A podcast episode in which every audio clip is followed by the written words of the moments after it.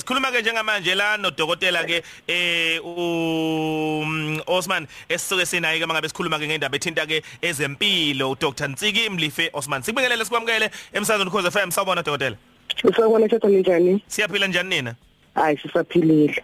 Njengendle emnyama sikholela kakhulu ekuthenini eh mawumuntu ufanele ubuye uphalaze eh uphinde uchathe futhi ungenyeze indlela zokuyihlanza eh ikakhulukazi ngaphakathi ukhipha inyongo njalo njalo. Eh akuyichaze dokotela eh uchatha ingabe mhlambe kukhona inumngozi obuba nabo eh bumuntu noma umthelelo ongemuhle thizeni ngandlela thizeni oba khona nje ke mhlambe ngaphambi singene endabeni ethithi ukuphalaza? Siqale lapho uchathweni eh isho thatha singayibuka kanjani lento? Ukukhatha nokuphalaza kuyinto ekhona nase e, e, e, kuma practices esingisi yabona la kusebenzisa ukuthi umuntu usuke ecleana umzimba wakhe. Inkinga iqhamuka kuphi? Ukuthi abantu ke besintu sisuke sisikwenza ngokwe dlulile kakhulu. Noma futhi sisebenzise imithi engaba ingozi kuthina. Kodwa uma sikubuka nje mhlambe umuntu ukuthi asebenzisa amanzi afudumele mhlambe afaka ulamula aphuza amanzi aphalaze kuyayiclean system lokho. Into ekuthiwa inyongo iyinto ekhona kuthiwa ibile ke ngesingisi ebuye ngesinye isikhathi ibe ningi emzimbeni bese uma isiningi emzimbeni ibange ke izifo ezithize thizeni. So umuntu mhlambe ngeviki uma izovuka ekseni aphuze lawo manzi aphalaze uyasiza ukuthi enze njani? Ayibalance leyo nyongo ukuthi yehle emzimbeni. Kanye nokuthatha ke nakho kuyasiza ngendlela ecishe ifane kodwa yona isuke ibalance isystem yakho la eh emathunjeni ukuthi nayo ama toxins akhona lapho ehle. So kunama benefits amaningi ukuthi thina funa sazi ukuthi sikwenza nini kanjani eh nana sisebenzise mhlawumbe amakhambi anjani azozivikela. Em ngiyeza ukuthi usubuchaze kahle eh ubuhle bokuchatha nokuphalaza ukuthi eh kuhle ngani ukuze ukwazi ukubalansisa kahle eh into indaba ethinta inyongo emzimbeni womuntu. Kodwa ke mhlawumbe kukuphi la khona ke umuntu uma ngabe sekwenza esekwenza ke ngamawala noma esekwenza ngokwesikali eseqile kufanele kube kangakanani? Ukala kanjani ukuthi kufanele ngikwenze kangaki mhlawumbe ngesonto noma ngenyanga njalo njalo? Okay. Umbuzo omuhle kakhulu lo thatha and ngiyacabanga ukuthi eh njengomuntu mhlambe owudokotela ngesingisi kodwa futhi aphinda laphe eh ngingaphendula kangconyana lo mbuzo. Eh into ebalekile ukwazi ukuthi iziphi izinto okumele uzenze ngasiphi isikhathi? Uma sibuka nje ukuphalaza number 1 ukuphalaza into okumele uyenze ekseni kakhulu ungakadli ungakaphuzi lutho. Nenyongo futhi le esiza emzimbeni ukuthi ku break it down ukudla ingakabi khona. So kufuna kube sekuseni kakhulu. Ukuphalaza ke kuyinto okungamelanga uyenze kaningana. Mhlambe ngenyanga ungayenza kabili mhlambe every 2 weeks. Bese sibheka ini ukuchatha. Ukuchatha nakho kuyinto nakho enhle esiyenzayo nakho mhlambe esingayenza ngeviki ukuthi si detox isystem. Bese ukugquma yinto yona ke at least esafer ukuthi singayenza zonke izinsuku ukuskima lokho. Njengamanje futhi siyezwa njengoba kukhona icorona kuthiwe sistime kaningana ukuze sikwazi ukuthi siqhubeke igciwane silibulale ifiselikhona emzimbeni ukustima ke kuyinto enhle esingayenza kaningana ngoba isafe futhi isifaka nje amanzi abilile sistime isebenza kakhulu emzimbeni nawo ukuthi wehlisa ama toxins emzimbeni. 28 minutes past 8 kubona umsakazo ukhozi eh u Dr Nsiki Mulifa Osman.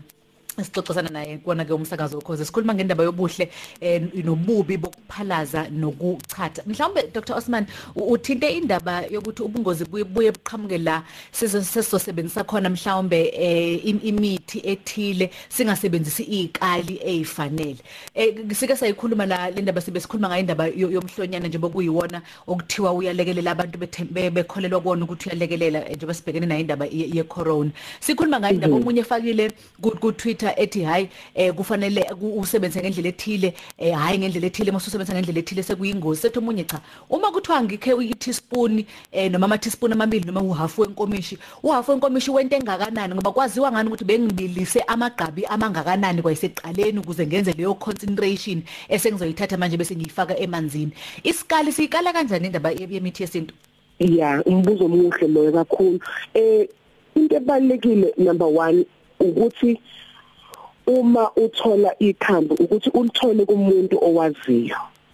Umhlonyane mhlawumbe masingasi siqhubeke ngaleyo example impela uyasiza futhi kudala nasemandulo usizwa ngama flu ukuthi uma uyiphuzile usize ukuthi wehlise lawo ma symptoms kodwa ngiyacabanga manje ngoba sekuyinto mhlambe esitshelana yona uzoba nzima ke ukuthi sikwazi nokuthi sitshelane ukuthi kumele ufake into engakanani emanzini angakanani. So into yokuqala ebalekile ukuthi leyo information oyitholayo kumele kuyithole kumuntu owaziyo. So umuntu owaziyo amakhambi uzokwazi ke ukuthi akutshele nesikali ukuthi thatha okungaka ufake emanzini amangaka. I think ikona okubalekile kakhulu ukuthi noma sesitshelana ukuthi nanku umuntu osebenzayo kumele njalo information kufana nani if uthola information about imithi yesilungu angeke uvele uthathe lo muthi utshelwe nanoma ubani usebenzise uzofuna ukwazi ukuthi usetshenziswa kanjani. Into ebanzima ke emithini yesintu ukuthi ayikho ke ilabel ezobhala ukuthi thatha i teaspoon ifake uyabona? So kuba nzima lapho ukuthi ufuna uthola ngempela umuntu owaziyo ukuthi amakhambi lawo asetshenziswa kanjani. And then uma sisitsheliwe futhi siwasebenzise njengoba sitsheliwe singacabanga ukuthi hayi engathi usho kancane awuthi ngangandise kancane noma yabona silandele njengoba sisitsheliwe ukuthi siwasebenzise kanjani.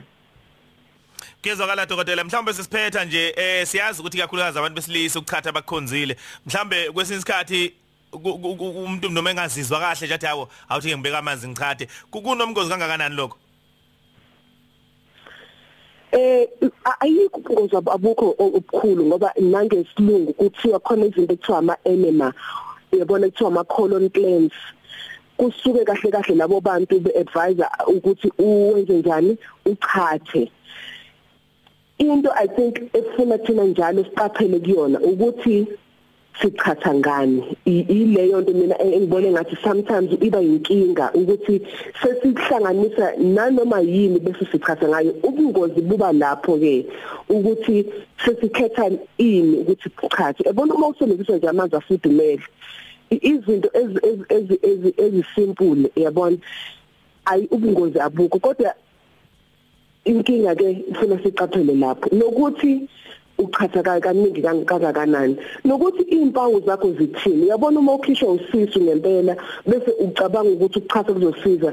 I- kuba inkinga le ngoba already umzimba wakho wenze njani uyathulula so une dehydration. So mawuzowenza enye into ezokwenza leyo symptom ibe worse ngicabanga ubungozi buba lapho. So funa sazi ukuthi uchatha akusiyo i-answer for izinto zonke. Funa sazi ukuthi kuyasiza impela la nala nala kodwa uma sengiphethe mhlambe ilokhu nalokho mhlambe kungcono ukuthi ngibone udokotela noma ngibone inyanga yami kanjalo kanjalo. Dokotela sibonga kakhulu ngesikhathi. Sakho sikufisela usuku oluhle ma. Kakhulu nani nibe nomsuku oluhle. Ugeqa amagula ke la eh udokotela ke Emlifa Osman echaza ngendaba ke thinta ukuphalaza ngokuchatha cishe ke uzwile ukuthi uzokwenza kanjani futhi kangaki ukuze ke kungabi eh okwedlulele.